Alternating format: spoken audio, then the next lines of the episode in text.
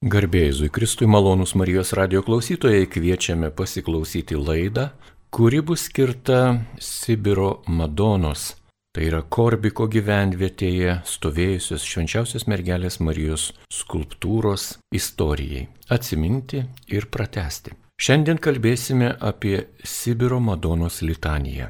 Ir maloniai sutiko laidoje dalyvauti šios litanijos autorius poetas Rimvidas Stankievičius. Jį kalbina Liutauras Serapinas ir aš sveikinuosi su gerbiamu pašnekovu Rimvidu. Garbėjai Jėzui Kristui. Sveiki. Per amžius amen, sveiki. Labai malonu, kad jūs atėjote į Marijos radijos studiją ir galėsite autentiškai, tikroviškai, taip kaip buvo viskas, ne iš antrų ar trečių lūpų, papasakoti apie nepaprastą dalyką, apie maldą, apie litaniją, kuri yra skirta švenčiausios mergelės Marijos Garbiai bei ypatingam įvykiui, kuris yra įvykęs su mūsų tauta, palietęs daugeliu širdis, likimus, atnešęs daug skausmo, kančios, vargo, bet ir vilties. Taigi jūs užrašėte Sibiro Madonos litaniją. Tačiau kodėl nevadinate savęs jos autoriumi? Na, čia nėra kažkoks mano kuklumas. Aš tiesiog esu giliai įsitikinęs, kad malda negali būti autorinė, kad malda yra visų. Ir gvieštis, savintis, žiūrėkit, daugelio maldų, giesmių autorius, kad ir mūsų didysis poetas Maironis, bet niekada to neakcentuojame, nes juk tai ne Maironio malda, tai lietuvių tautos malda. Ir kadangi aš rašydamas labiausiai ko norėjau, tai norėjau, kad ši litanija iš, iš tikrųjų būtų įteisinta, kanonizuota bažnyčiai kaip tikra malda ir kad jinai skambėtų mišiuose, kad žmonės litaniją kalbėtų, tai vien dėl to aš kuo greičiau būsiu pamirštas kaip autorius, tuo bus geriau pačiai litanijai. Aš taip esu giliai įsitikinęs. Nes aš manau, kad tai yra lietuvių tautos ir Dievo lietuvių tautos ir švenčiausios mergelės Marijos reikalai, o aš tiesiog pabuvau šratinuku, kuris ją užrašė. Ir beje, rašydamas turėjau savo patį griežčiausią reikalavimą nieko nepridėti nuo savęs, nevirsti slengščiu tarp besimeldžiančiųjų ir švenčiausios mergelės Marijos, kad mano ego tame apskritai nedalyvautų.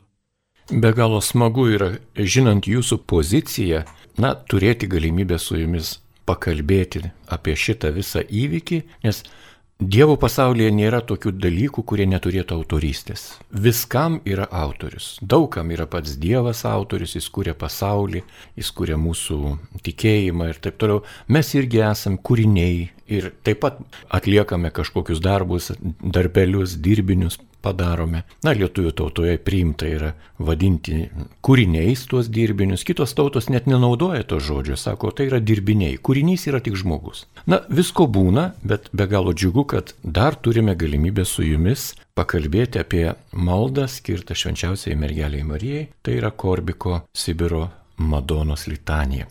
Nevadinate savo autoriumi, bet užrašėte Taigi šios litanijos atsiradimo istorija yra įdomu, jeigu galite pasidalinkite. Tai aš tik dar pridursiu, sakot, viskas turi savo autorių, tai tebūnėtas autorius lietuvių tauta, tebūnėtas autorius Lietuvos tikinčiųjų bendruomenė. Man tai būtų džiugiausia. Dabar pati atsiradimo istorija. Visada sakoma, kad Dievas neieško vertųjų, ar ne? Atvirkščiai kitas įkys renkasi labiausiai nevertuosius. Tai kaip nutiko man? Lygiai prieš metus, panašiai vos ne diena į dieną, sulaukiau iki tol nepažįstamo žmogaus skambučio. Skambino man Gintautas Bukauskas, prisistatė mano žemiečių, nes mano mama kilusi iš Kalninių Mijaugonių kaimo, kuris jau neegzistuoja, o jo giminė iš Kloninių Mijaugonių kaimo. Paskui, aišku, mes ilgainiui susibičiuliavom ir išsiaiškinom, kad esam netgi tolimi giminė su juo. Bet jis man skambino kaip nepažįstamas žmogus, nepažįstamam žmogui ir sako, mano bičiulis tremtinys ir keliautojas Antanas Sadeckas rašo knygą apie Sibiro Madoną, apie jos autorių Joną Maldutį, apie skultūros kelionę į Lietuvą ir sako, norim jūsų paprašyti, kad parašytumėte Sibiro Madonos litaniją. Tai nemeluosiu, tikrai suglumau, ausys iškaito ir galvojau, kaip dabar, ką man atsakyti. Galvojau, atsisakyti yra nuodėmė, nes e, galbūt tai Dievo reikalai. Sutikti tai irgi yra nuodėmė, kas aš toks, kad e, apsiimčiau rašyti šventą kūrinį. Ir aš jam sakau, na žinot, gintautai, sakau, aš šiaip jau nesu maironis ir nesu vertas, o jis norėdamas mane nuraminti pasakė štai, kad tai sako, baig turim vidai, sako, juk ne tik maironis, sako, ir Adomas Mitskevičius rašė litanijas, o žinot, man kaip poetui vienas už kitą didesni ir galvoju, tai nuraminot, ir Adomas Mitskevičius, atrodytų, jeigu jau Adomas Mitskevičius, tai tada nebaisu ir man. Tai net šyptelėjau, galvoju, tai bent. Ir neatsakiau aš jam nei taip, nei ne. Sakau, darom taip, gintautai.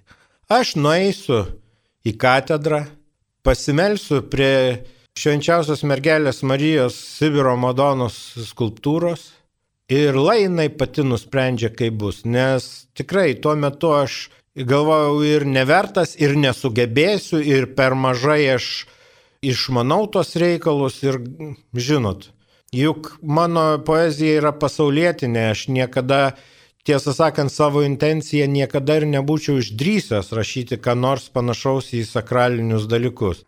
Ir jis man atsiuntė elektroniniu paštu visą įmanomą informaciją apie Joną Maldutį, apie atsiradimo e, skultūros istoriją, apie jos grįžimą į Lietuvą, apie pašventinimą katedroje, įdėjo nuotraukų, kur popiežius Pranciškus liesdamas ranką skulptūrą meldžiasi Vilniaus archikatedroje. Ir žinokit, ir aš taip padariau, kadangi radau katedrą visiškai tuščią, kaip tik karantinas, tas griežtasis karantinas, katedra tuščia, nei vieno žmogaus, aš nuėjau prie Marijos, atsiklaupiau, priliečiau ją ranka, pasimeldžiau, tikėjausi gal kažkokio ryškesnio atsakymo, jokio aš kažkokio tokio kaip atsakymo verbalinio aš negavau, bet labai buvo gera, pasimeldžiau, grįžtu namo, man nuo katedros maždaug 15-20 minučių kelio pieščiomis iki namų ir einu ir galvoju, ką rašyčiau, jeigu rašyčiau. Dar savo net neprisipažinęs, kad rašysiu. Bet jeigu rašyčiau ir dėliojas, tai viena eilutė, tai kita eilutė. Ir žinokit, grįžau namo jau savy, turėdamas praktiškai visą išbaigtą litaniją. Aišku, kai ją užrašinėjau, reikėjo tam pašlifuoti, na žinot, užrašymas vis tiek jisai, pirminis užrašymas nuo švaraščio visada skiriasi. Tai negaliu sakyti, kad per 15 minučių ją ir parašiau, bet išliejau į popierių vos grįžęs, tada dirbau prie jos, man trūko kai kurių statistinių duomenų, aš tada dar paskambinau gerbiamam gintautui, sakau, man reikia tikslių skaičių, kad nesumeluočiau, kiek buvo atremta, kiek žuvo. Ir geografinių kan, kančių vietovių pavadinimų. Tai jis visą tai iš Antano Sadetsko knygos man nuskenavo, atsiuntė.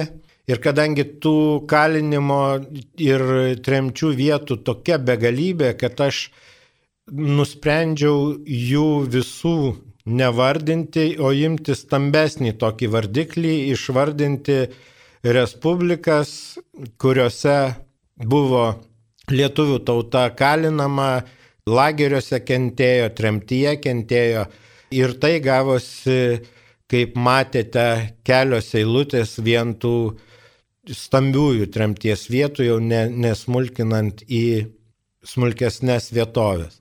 Tai aš tuos duomenys įrašiau ir štai tokia gavosi litanija, taip kad aš jam ir nepasakiau, kad gerai sutinku, O sekantį kartą jau kai paskambinau, sakiau, turiu, parašiau. Nusinčiau gerbiamas Gintautas ir Antanas Sadeckas abu du sakė, ryški Dievo malonė ir švenčiausios mergelės Marijos globa, sako štai litanijai, akivaizdu ir kad taip greitai ir jiems matos patiko. Ir įdėjo jie į tą knygą, tai knygai dar neišėjus, man paskambino iš genocido centro gerbiama Birutė Panumienė ir paprašė leidimo įdėti į dar vieną knygą. Tai aš pagalvojau, kodėlgi ne, litanijai tai yra tik į naudą, kad jinai rastų kelią į žmonės, į žmonių širdis. Sutikau, apsidžiaugiau.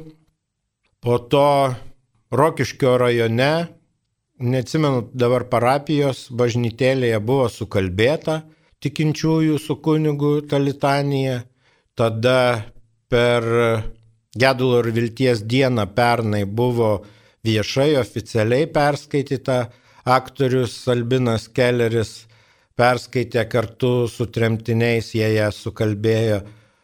O štai šiemet jinai jau buvo pirmą kartą sugėdota ir dar, manau, muzikinis pavydalas čia ne paskutinis. E, man paskambino mano buvusio dėstytojo ir kaip poeto mokytojo Marcelijaus Martinaičio brolis, kompozitorius Algirdas Martinaitis.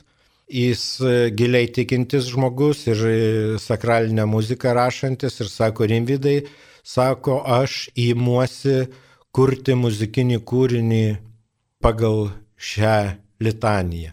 Tai aš manau, kad jinai iš tikrųjų kaip upelis randa, prasigraužia savo vagą ir ima gyventi savo gyvenimą, kas mane giliai džiugina.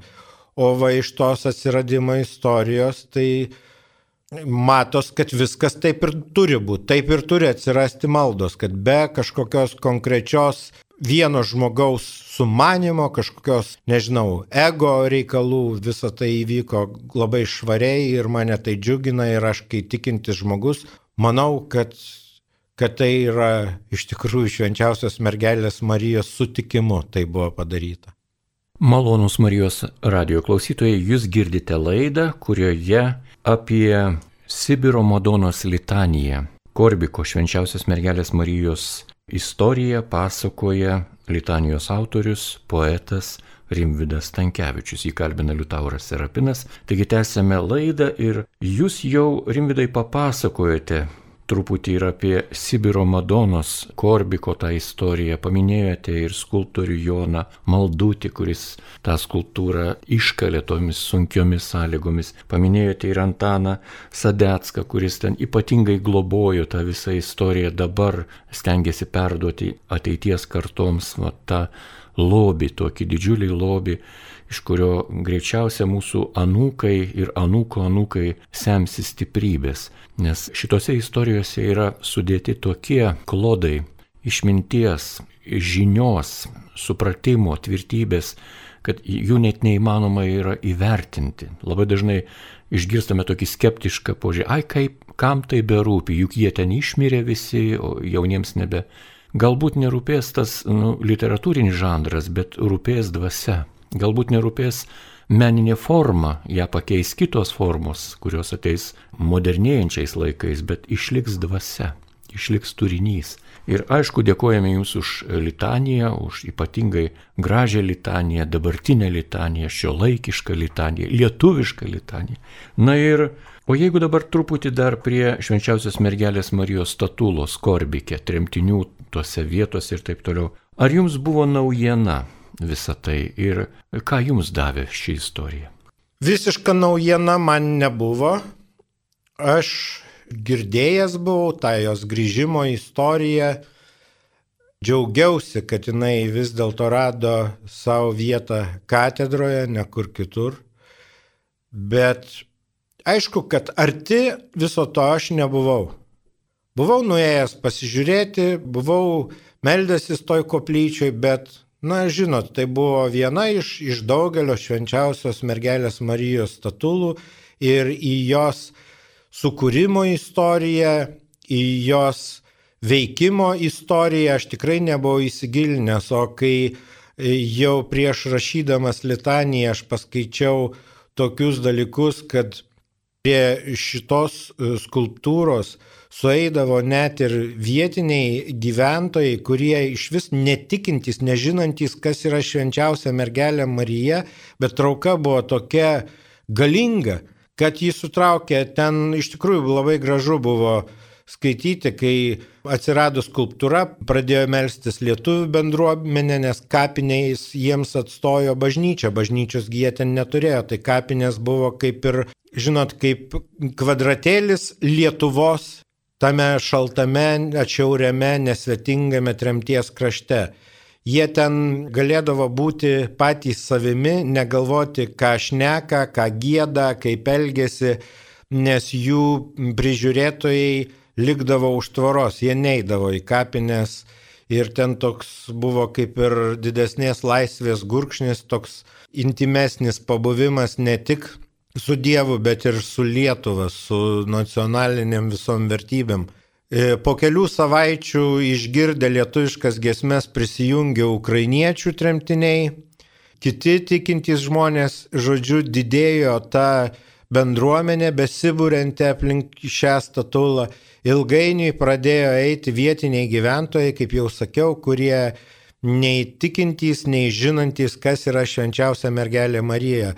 Tai įsivaizduokit, kokia trauka, jeigu žmogus pats nežino, ko ateina ir kodėl nusijima kepurę, bet tai daro.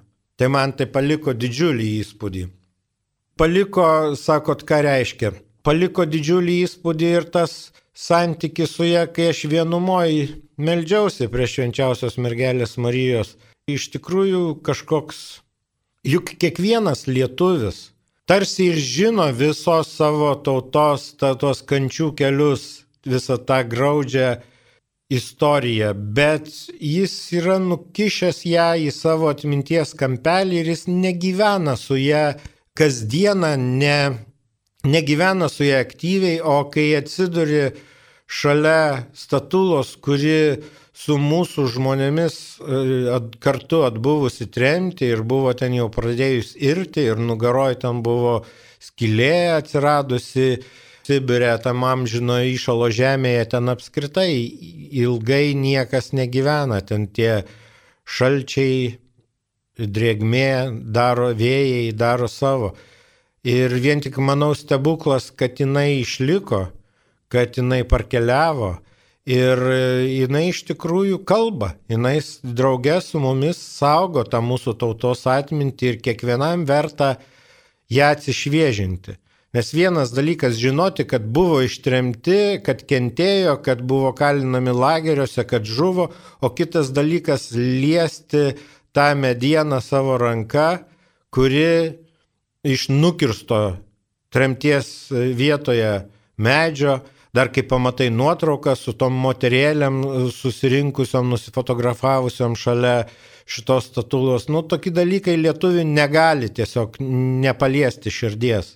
Taip kad aš dabar esu kur kas artimes, artimesnėme santykyje su švenčiausios mergelės Marijos Sibiro Madonos kultūra ir dabar, kai užeinu į katedrą, visada nueinu pasimelsti ir prie jos, o netgi kai ir neužeinu, kai einu pro šalį, aš visą laiką sukalbu trumpą maldelę, pasisveikinu su švenčiausia mergelė Marija Sibiro Madona ir galima sakyti, net ir per sienas ją pamatau, na atmintimi pamatau ją ten ir susimirksim, kaip sakoma, liaudiškai. Labai gražiai paminėjot tą tokį, na tikrai mes kartais matome savo sielos akimis arba matome atmintimi. Tai tikrai tikras regėjimas. Daugelis paveikslų, daugelis žmonių veidų yra išėję, mes jų nesutiksime nei gatvėje, nei savo namuose, bet mes juos matome, regime. Tikrai gražus jūsų posakis apie susitikimą su švenčiausiaja mergelė. Ir dabar toks, na, ir filosofinis, reikia taip sakyti, klausimas. Na ir jis toks, na, vat, kontroversiškas klausimas. Kaip manote, Rimvidai, kodėl 30 metų Lietuvos, galima sakyti, nepriklausomybė tik dabar išeina į paviršių šios visos istorijos. Korbiko skulptūra švenčiausios mergelės Marijos. litanija šita, juk tų tremtinių jau nebėra gyvų, ar nevėluojam, o gal kaip tik taip turi būti, jūsų nuomonė? Iš pirmo žvilgsnio nu, atrodytų, kad vėluojam. Aišku, kad būtų smagu, kad būtų ir mūsų tremtiniai vietoje sudėję litaniją, ar ne? Tiesiai ten. Bet, nu, abu esam tikintys. Žinom, kad niekas nėra šiaip savo. Matyt, taip turėjo būti. Ir žinoma, jeigu vėluoja, tai ją turėjo parašyti kažkas kitas, nes aš pats tai esu 1973 metų gimimo, tai pats tremtyje ir pagal savo laiką negalėjau būti ir gimiau tada, kada jau žmonės iš ten grįždinėjo, grįžo. Mano prisiminimai iš vaikystės yra tokie sapniški, sakykim. Suaugę pašnapždomis pusbalsių kalbėjo apie esančius ten, atsimenu, bandydavau net įsivaizduoti, kas tas Sibiras, kur tas Sibiras, kaip tas Sibiras, nes mano senelio, mano mamos tėvo sesuo su visa šeima buvo tremta į Sibirą ir matyt maniškiai siūsdavo jiems siuntinius, o anie iš tremties norėdami irgi ne tik gauti siuntinius, bet kažką siūsti, siūsdavo kedro riešutų maišiukus tokius. Ir aš atsimenu, man davė tų mažam vaikui tų kedro riešutų, pasakė, kad iš Sibiro, O žinot, nei tie riešutai man nematyti, nei aš neįsivaizdavau, kas tas Sibiras, kur jisai ir aš įsivaizdavau, kad ten kažkokie lobynai. Nors tam tikrą prasme lobynai, tik tai, kad labai jie atšiaurūs ir nejaukus. Žinot, man atrodo, yra Konfucijaus posakis, kad pasiūlyk žmogui dangiškuosius rūmus vietoj atimtos jo atimtos, pabrėžiu žodį, atimtos jo trobos ir dangiškiai rūmai žmogui nepatiks. Tai mūsų lietuviams negalėjo patikti ir ta įspūdinga, graži gamta, ir tie visi resursai, kurie ten grybai, uogos, riešutai, grožis, upės, švarios, žuvys, nieks ten negalėjo patikti dėl to, kad jie varu ten nuvaryti su durtuvais. Jau, jau nekalbant apie, čia aš kalbu apie paprastus tuos jau laisvesnėm sąlygom gyvenusius tremtinius, o ką jau kalbėti apie lagerių kankinius, tai čia koks skirtumas kur. Lagerį, lageryje jie yra lageryje, o ne kur nors, ne kokioj nors šalyje. Taip tikrai lagerio nepavadinsi ekskursija. Geras yra Prano Morkaus tas siužetas parašytas kino filmuje Ekskursantė. Paradoksų kalba, tokia, sakykime, ezopo kalba, kur reiškia vieną reiškia, kitą ištariame. Ir ši kalba yra ir šioje istorijoje. Jeigu tai pažiūrėti į Korbiko švenčiausios mergelės Marijos statulą, skulptūrą, kuri buvo pastatyta ten autentiškai kapinaitėse, jie turėjo, vietiniai gyventojai turėjo suriko dažų, tai tokie raudoni, ryškiai tokie, dabar tas spalva vadinasi angliška raudona. Tai va tos ryškiai tokios gilios, tokios raudonos plytinės spalvos dažais jie buvo išdažę visus kryžius, kad jie kuo ilgiau išsilaikytų. Ir baltai nutepė tą švenčiausios mergelės Marijos statulą su dar tokiu nimbu iš, iš, reiškia, iš spalvoto metalo. Vaizdas kraupus, kaip norit. Estetiškai, meniškai žiūrint, vaizdas kraupus. Ir dabar, kai pasižiūrime arkikatedroje tą, tą skulptūrą, jos atlikimas yra labai labai lakoniškas. Nėra jokio estetinio ten grožio, ten jokių kvarbatkėlių, jokių ten nerinukų. Tai yra labai kieta skulptūrinė forma, griežta, ji yra sunki, jinai yra sleginti ir visai netrodo miela. Ir vat ką jį byloja, kaip Jūs manot, šiandien Jums, kitiems ateinantiems žmonėms? Na, aš kai esu poetas, tai aš viską linkęs matyti, žiūrėti per poezijos sakinius. Ir tai, ką jūs kalbėjote apie jos išvaizdą ten ir apie jos išvaizdą čia, tai mergelė Marija grįžo namo, nusimetė retežius.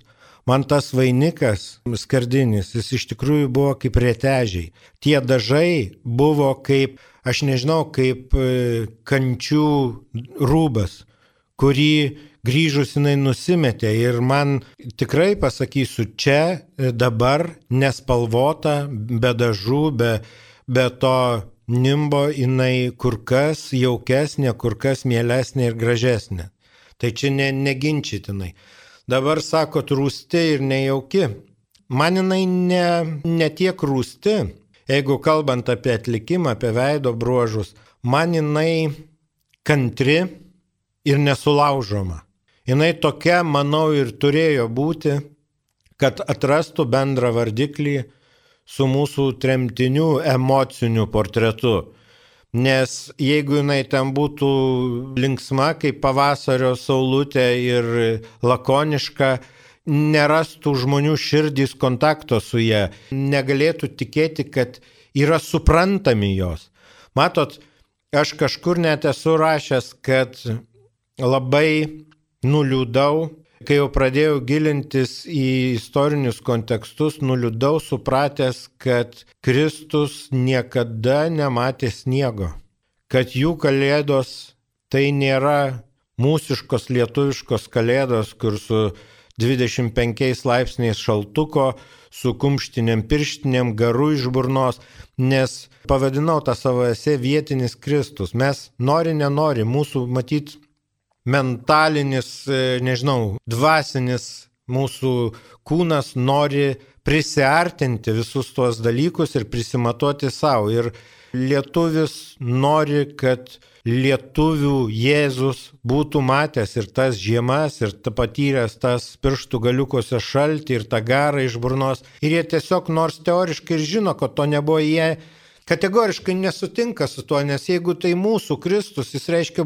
turi būti ėjęs mūsų keliais, sirgęs mūsų lygomis, gebantis atjausti mus ir šaltyje, ir nepritekliuje, ir visame kame. Ir lygiai tas pats, aš manau, su ta Marijos skulptūra. Jinai taip, jinai rūsti, jinai nesišypsanti, jinai kaip ir lietuvių moterys ten esančios, sugniaužus savo visą kantrybę, į kumštį, kad išbūtų, kad ištvertų, kad nepalūštų. Ir manau, kad su tokia jie žmonių širdys, žmonių maldos atrasdavo, atrasdavo ryšį daug lengviau negu kad, negu kad sakykime, su barokinė kokia nors tiesiog šedevru.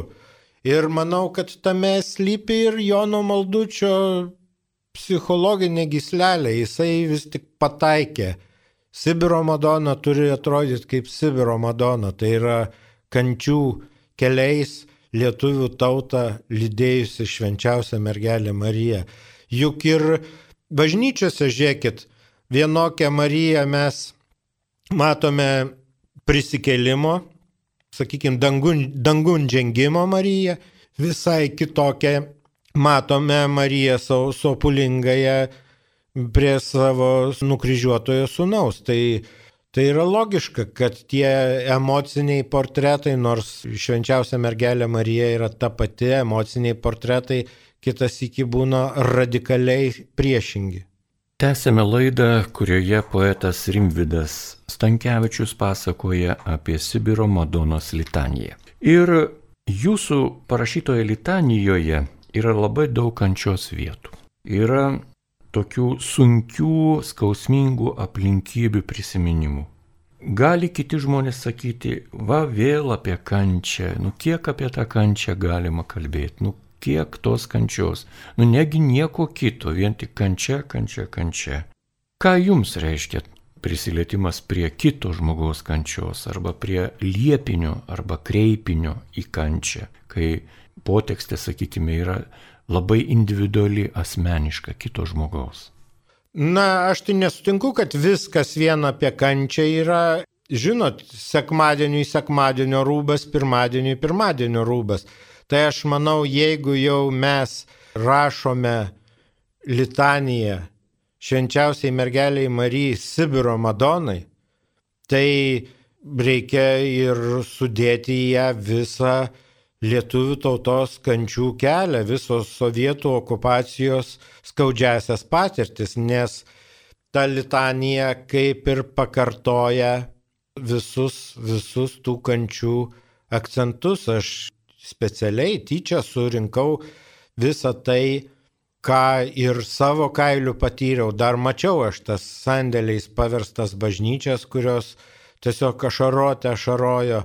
Puikiai atsimenu tas uždraustas maldas, kada buvo ženklinami kažkur žmonės ateinantys į mišes, į atlaidus. Tyčia būdavo per kučias daroma darbo diena, per kalėdas, kad moteris nespėtų šventinio starlo paruošti, kad nespėtų žmonės po darbų iš pažinties prieiti, kad žodžiu, kad ta šventė būtų užasfaltuota kuo labiau. Lygiai taip atsimenu uždraustas knygas, už kurias galima būdavo atsidurti saugume, kurios keliavo iš rankų į rankas. Tai buvo dviejopo turinio - tautinio ir religinio. Ir būtent ši litanija abu šitus turinius ir jungia. Čia yra ir sakralinis turinys, bet čia yra ir nacionalinis turinys, jeigu pastebėjote. Ir aš manau, kad toj litanijoje mes išdeklamuojam, iškalbam viską, kas buvo, sudėdami, visas dominantės. Aš dėl to ir nepamiršau ir Romo Kalantos aukos, nepamiršau ir žuvusių prie televizijos bokšto. Viską sudėjau iki pat išsivadavimo, kad žmonės turėtų vienoje vietoje, kad galėtų visą tai išdeklamavę dar kartą perleist per savo atmintį, per savo širdį, tam, kad neužmirštume, nes mūsų šventa pareiga neužmiršti. Man iš tikrųjų labai gėda, kai ateina toks laikas, kai pradedama masiškai, pradedama manyti, kad pasaulis prasideda nuo mūsų pačių. Iš tikrųjų žmogus, nežinantis savo šaknų, yra šapelis nešamas vėjo, jis nėra, jo praktiškai nėra. Jis yra nesusipratimas, o ne, ne asmenybė. Ir kad šito gebėtumėm išvengti, reikalinga ir šita litanija, ir visa kita literatūra, ir visas kitas kartojimasis. Man dėl to ir nepatinka, nepatiko, aš buvau prieš paplūdimį padarytą Lukiškių aikštėje. Ne dėl to, kad manęs nedžiugintų paplūdimiai vidury miesto, bet pilna vietos tam. Galėjo daryti bent kur kitur. Bet tai yra vis dėlto istorinio konteksto vietos, kur turima byloti kon konkreti semantika. Kaip, nu žinot, hygienai reikalinga kažkuo, tarkim, rankas valytis. Bet kodėl tai būtinai turime daryti vėliavą, ar ne? Labai geras įvaizdis. Puikus, tikrai 10 iš 10 balų. Ar tikrai turime į vėliavą valytis rankas, kad būtume švaresni, gražesni, sveikesni. Ir taip toliau. Na, grįžtant prie litanijos, tikrai daug kančios vietų, bet ir tikėjimo mūsų krašto istorijos yra apžvalga. Tiesiog aš dvi tokias invokacijas perskaitysiu, kad žmonės suprastų apie ką. Per kankinystę lietuvių tautos 50 metų okupacijos retežius dėvėjusios, saugok mūsų tikėjimą ir laisvę. Per kankinystę lietuvių tautos sodybų pelenų, sandėliais paverstų bažnyčių, uždraustų švenčių ir knygų, nutildytų giesmių ir maldų, užgneuštų ašarų ir atodusių paliūdyta, saugok mūsų tikėjimą ir laisvę. Ir ta istorija, kodėl jūs įdėjote tautos istoriją, galėjote įdėti, na, sakykime, žmonių prisiminimus arba kažkokius emocinius, asmeninius išgyvenimus? Tai aš manau, kad tiesiog visa tai turi būti tikra. Aišku, esama litanijų, kurios yra abstrakčios, kurios yra perkrautos epitetais grožybiniais, ten kreipiniais, ten tikėjimo bokšte, ten gerumo šaltinį ir taip toliau. Aš viso to norėjau vengti, kad būtų tikra, žinot, kaip basas eini per žvyrą, reikia, kad durtų. Štai toks mano konkretus atsakymas. Reikia, kad durtų. Jokių abstraktybių, jokių švelninimų aš nenorėjau. Kai litanijoje pasakai skaičius, datas, o kitas iki pavardę, tai tikriau nebūna. Ir būtent tai, aš manau, veikia ir ir tai įsispraudžia ir į atmintį, ir į širdį besimeldžiantiems. Laida eina jau į pabaigą, dar porą klausimų. Vienas iš jų yra toks. litanijų kaip maldos toks žanras dėl ilgumo, dėl pasikartojimo, dėl pošnių kreipinių, daugeliu žmonių yra laikoma sunki malda. Bet ar iš tikrųjų tai sunki malda? O kaip jūs priimate litanijas? Labai myliu litanijas, žinokit. Sunki malda jinai yra tiems, kurie neturi kantrybės. Aš iš daugelio girdėjau, kad ir rožančius jiems yra sunki maldos forma. Man ne. Matyt, tai yra žmonės meditatyvinės prigimties ir jiems tas monotoniškas, ritmiškas kartojimas, tas toks lėtas, neskubrus meldimasis yra malonus. Aš iš tų, aš tiems priklausau, man Man labai patinka litanijos, bet to, nu žinot, mano šaknys iš kaimo, pats aš gimęs ir augęs elektrienuose, bet mano močiutės seneliai buvo kaimo žmonės ir ten litanijos buvo gėdamos, ten tos mojavos būdavo, o be to ir laidotuvės būdavo su gėdamomis litanijomis, bažnyčiose mišios neapseidavo be gėdamų litanijų man tai mano asmeninio kažkokio meditatyvumo, sakralumo, bendravimo su Dievu neišplėšiama dalis. Neįsivaizduoju, kaip galima be viso to. Tai būtų tiesiog formalus, nu ką, prieėjau, persižegnojau, nuėjau, tai nėra pabuvimas su Dievu, nei tik su Dievu, bet ir su savimi. Ir laidos pabaigai. Kokie kreipiniai, koks kreipinys jums yra pats brangiausias šioje litanijoje, o gal jo neįdėjote? Neįrašėte? Viskas man ten svarbu, žinokit, aš stengiausi nepamiršti nieko. Įdėjau visus Lietuvos globėjus, man tai buvo svarbu, nes būtent šį kartą nenorėjau paversti litanijos visų šventųjų litaniją. Visi šventieji svarbus ir šventas Antanas, kuris yra dar ir mano patronas, nes aš krikštytas, kadangi Rimvidas nėra šventas vardas, aš esu Rimvidas Antanas iš tikrųjų Ir mano mama sako, kad gal dėl to aš poetas, nes Antanas buvo poetas, iškalba turėjęs pasakišką pamokslautojo talentą ir taip toliau. Ir e, gal, gal tie dalykai susijęs mano patronas ir kaip tik per šventą Antaną buvo pirmą kartą sugėdota šitą litaniją tokį sąšaukos tos jos vis tiek yra įspūdingos. Bet aš apsiribojau vien tik to, kas eina per lietuvių tautos prizmę. Tai man labai brangu buvo parašyti savo abu palaimintuosius. Teofilių Matulionį ir Jurgį Matulaitį. Labai tiesiog kaip medum rašiau šitas eilutes. Labai svarbu buvo paminėti Romą Kalantą.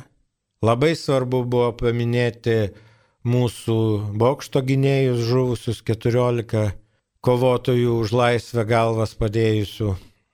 Labai svarbu buvo sakraliniam kontekste paminėti Lietuvos partizanus, kurie dabar ujami banditais vadinami, žyčiaudžiais, be jokių argumentacijų, be jokių tie kaltinimai beriami, toks jausmas liktai norima ištrinti iš tautos atminties, kad tai buvo.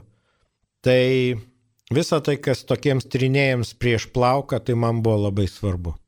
Ačiū Jums už gražią laidą, ačiū Jums už tą pasidalinimą tokį tikrai vyriškai, tiesiai, stačiai, be jokių pagražinimų, be jokių, kaip sakant, įmantrybių ar diplomatijos, kuri ten kai ką pridengia, kad e, kas nors ten nepasinaudotų ar taip toliau. Aš manau, kad radio klausytojai supranta, kokį komplimentą aš Jums, Rimvidai, gerbiamas Rimvidai, noriu pasakyti, bet O gal dar norite kokią litaniją sukurti? Rainių kankiniams ar panevežio chirurgams, kurie ten tuo metu iš jų diržai buvo išpjauti. Gal dar kažką, gal turite jau minčių, pasidalinkit. Kad žinokit, ne, visą tai palikime Dievui ir man atrodo, Jeigu jūs durs pirštu iš viršaus ir jūs parašysit litaniją, o jeigu nedurs, tai tos litanijos rašymas, jis jum tiesiog garbės nepadarys. Ir kitas dalykas, kodėl aš manau, kad daugiau nenorėčiau vėl aš, vėl litanija, kaip senovės graikai sakydavo, Kartą pasakėjai, patikėjau, du kartus pasakėjai, suabejojau, trečią kartą sakysi, net viskas, netikiu tavim. Esi, reiškia, tuščias kalbi, turėdamas savų intencijų. Tai dėl to tai te būna, te būna vien, viena ta litanija ir man tai bus brangus prisiminimas ir didelis džiaugsmas, kad prie viso to turėjau galimybę prisiliesti. Malonus Marijos radio klausytojai, jūs girdėjote laidą apie Sibiro Madonos litaniją, apie Korbiko švenčiausios mergelės Marijos skulptūros istoriją ir iš tos ten gyvenusių žmonių patirties ir kančios istorijos gimusią naują maldą. Šioje laidoje dalyvavo šios litanijos autorius, poetas Rimvydas Stankievičius, jį kalbino Liutauras Serapinas, likite su Marijos radiju.